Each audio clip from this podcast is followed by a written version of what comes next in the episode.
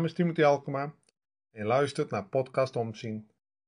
Dit is de tiende aflevering in de serie Spiritueel leven door omzien, naar het gelijknamige boek dat ik heb geschreven, krijgbaar bij verschillende webwinkels. Deze aflevering heeft het thema van het tiende hoofdstuk, omzien en barmhartigheid. Daarvoor lees ik eerst Matthäus hoofdstuk 25, vers 35 en 36. Want ik had honger en jullie gaven mij te eten. Ik had dorst en jullie gaven mij te drinken. Ik was een vreemdeling en jullie namen mij op. Ik was naakt en jullie kleden mij. Ik was ziek en jullie bezochten mij. Ik zat gevangen en jullie kwamen naar mij toe. Zes van de zeven werken van barmhartigheid zijn gebaseerd op dit gedeelte. Hongerige spijzen, dorstigen laven, naakten kleden, vreemdelingen herbergen, zieken bezoeken, gevangenen bezoeken en doden begraven. Paus Franciscus heeft in 2015 een achtste werk van barmhartigheid genoemd. Laat ons barmhartig zijn voor ons gemeenschappelijk huis. Draag jij ook zorg voor de wereld waarin wij leven vanwege natuur en klimaat? Al eerder in de kerkgeschiedenis zijn er naast de zeven werken van barmhartigheid die op het lichamelijke betrekking hebben, ook zeven geestelijke werken van barmhartigheid genoemd. Zondaars vermanen, onwetenden onderrichten, bedroefden troosten, in moeilijkheden goede raad geven, geduldig lastige personen verdragen, beledigingen vergeven, bidden voor levenden en doden. Vandaag de dag zijn er mantelzorgers en verschillende soorten maatjes. Wandelmaatjes, leesmaatjes, boodschappenmaatjes, schuldhulpmaatjes, huiswerkmaatjes, sportmaatjes, noem maar op. Wat past bij jou? Er zijn veel goede dingen te doen als werken van barmhartigheid. Maar wat is barmhartigheid eigenlijk? Het Nederlandse woord barmhartigheid is erg mooi. Het is een samenvoeging van erbarmen en hart. Ook in het Latijnse misericordia zit er het woord hart, cordia. Het roept een beeld op van een hart dat zich als het ware uitstrekt over de miserie, ellende van een ander. Het gaat om omzien naar mensen in hun nood. Het doel is niet alleen een ander helpen, maar barmhartigheid is vooral gericht op groei en ontwikkeling. Het geeft ruimte om opnieuw te beginnen. Omarm jij mensen waar ze staan, zodat ze tot herstel kunnen komen? En wat heeft dit voor jou met geloof, hoop en liefde te maken? Jijzelf en anderen kunnen in verschillende noden komen. In verband met lichamelijke en geestelijke werken van barmhartigheid moest ik denken aan biologisch, de onvermijdelijkheid van de dood. Je kunt als mensen ziek worden en daardoor verlies lijden. In verband met zingeving gaat het lichamelijk om zin om iets te doen. Wat betekent het dan als je ziek wordt en iets niet meer kunt doen? Psychisch, de vrijheid om het leven vorm te geven. Het is waardevol om een eigen innerlijk te ontwikkelen. In verband met zingeving gaat het psychisch om zin in het leven hebben. Komt het volgens jou dat je zoiets als keuzestress kunt ervaren? En sociaal, existentiële eenzaamheid, isolatie. Je kunt je als mens ook in een relatie eenzaam voelen. In verband met zingeving gaat het sociaal om zin aan het leven geven. Wat heeft voor jou liefde ontvangen en geven te maken met je zinervaring? Spiritueel de aanwezigheid van een duidelijke betekenis van het leven. Je kunt als mens zinloosheid ervaren in het leven. In verband met zingeving gaat het spiritueel bijvoorbeeld om zijn als zin van het leven. Hoe geef jij betekenis aan dingen die zinloos lijken? Je kunt op allerlei manieren naar andere mensen omzien. Jezus zei: Ik was ziek en jullie bezochten mij. Ik zat gevangen en jullie kwamen naar mij toe. Hoor je hoe dit over verlies van gezondheid en vrijheid gaat? Omzien begint zoals gezegd met bezoeken. En Jezus identificeert zich hier met zieken en gevangenen. Spiritueel leven door omzien heeft ook te maken met dat je Jezus en hulpbehoevende mensen kunt ontmoeten.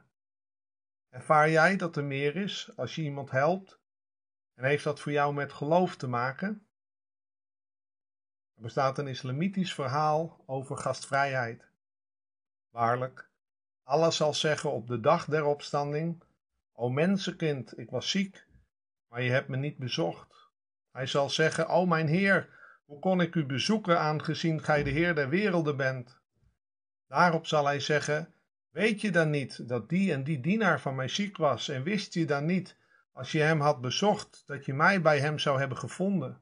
O mensenkind, ik vroeg je om voedsel, maar je hebt mij niet gevoed.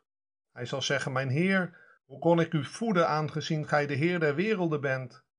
Daarop zal hij zeggen: Weet je dan niet dat die en die dienaar van mij jou om voedsel vroeg?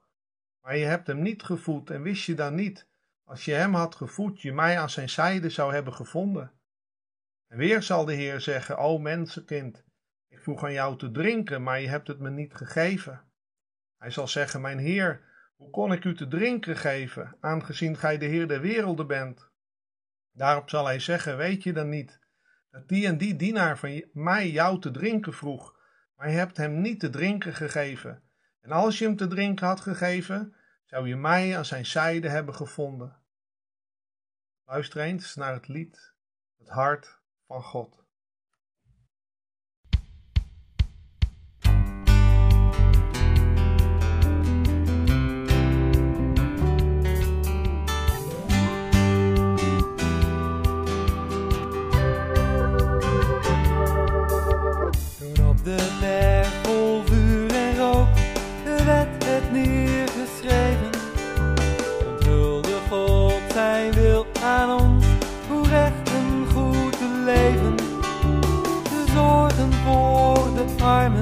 En de weduwe en wees. Had je aan de vreemdeling groot en toevlucht heeft. Dit is het hart van God, dat uitgaat naar gebrokenen, naar ieder mens nood. Het hart van God, dat omziet naar de armen en het zwakke niet verstoot.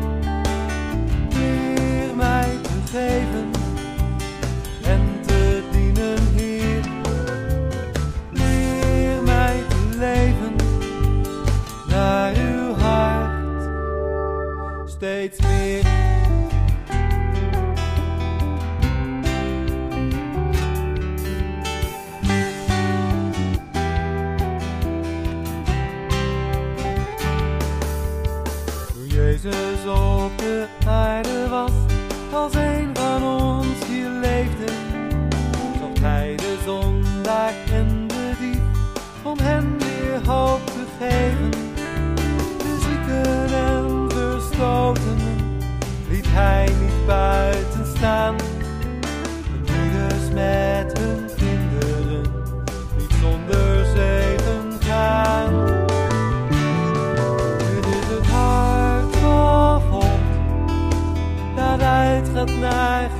broken and now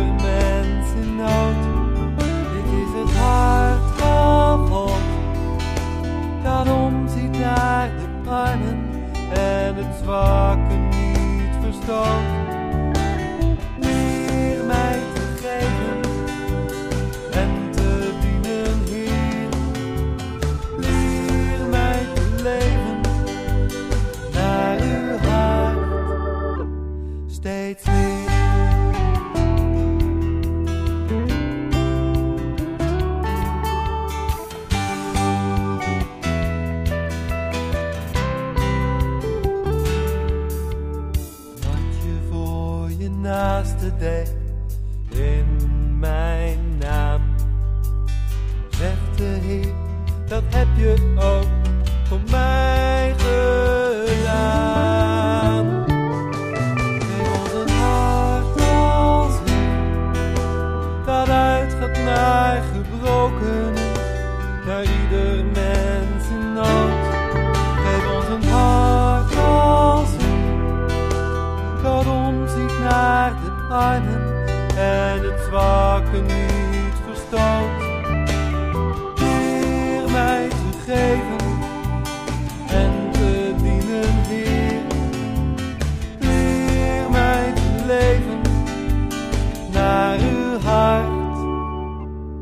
Steeds meer.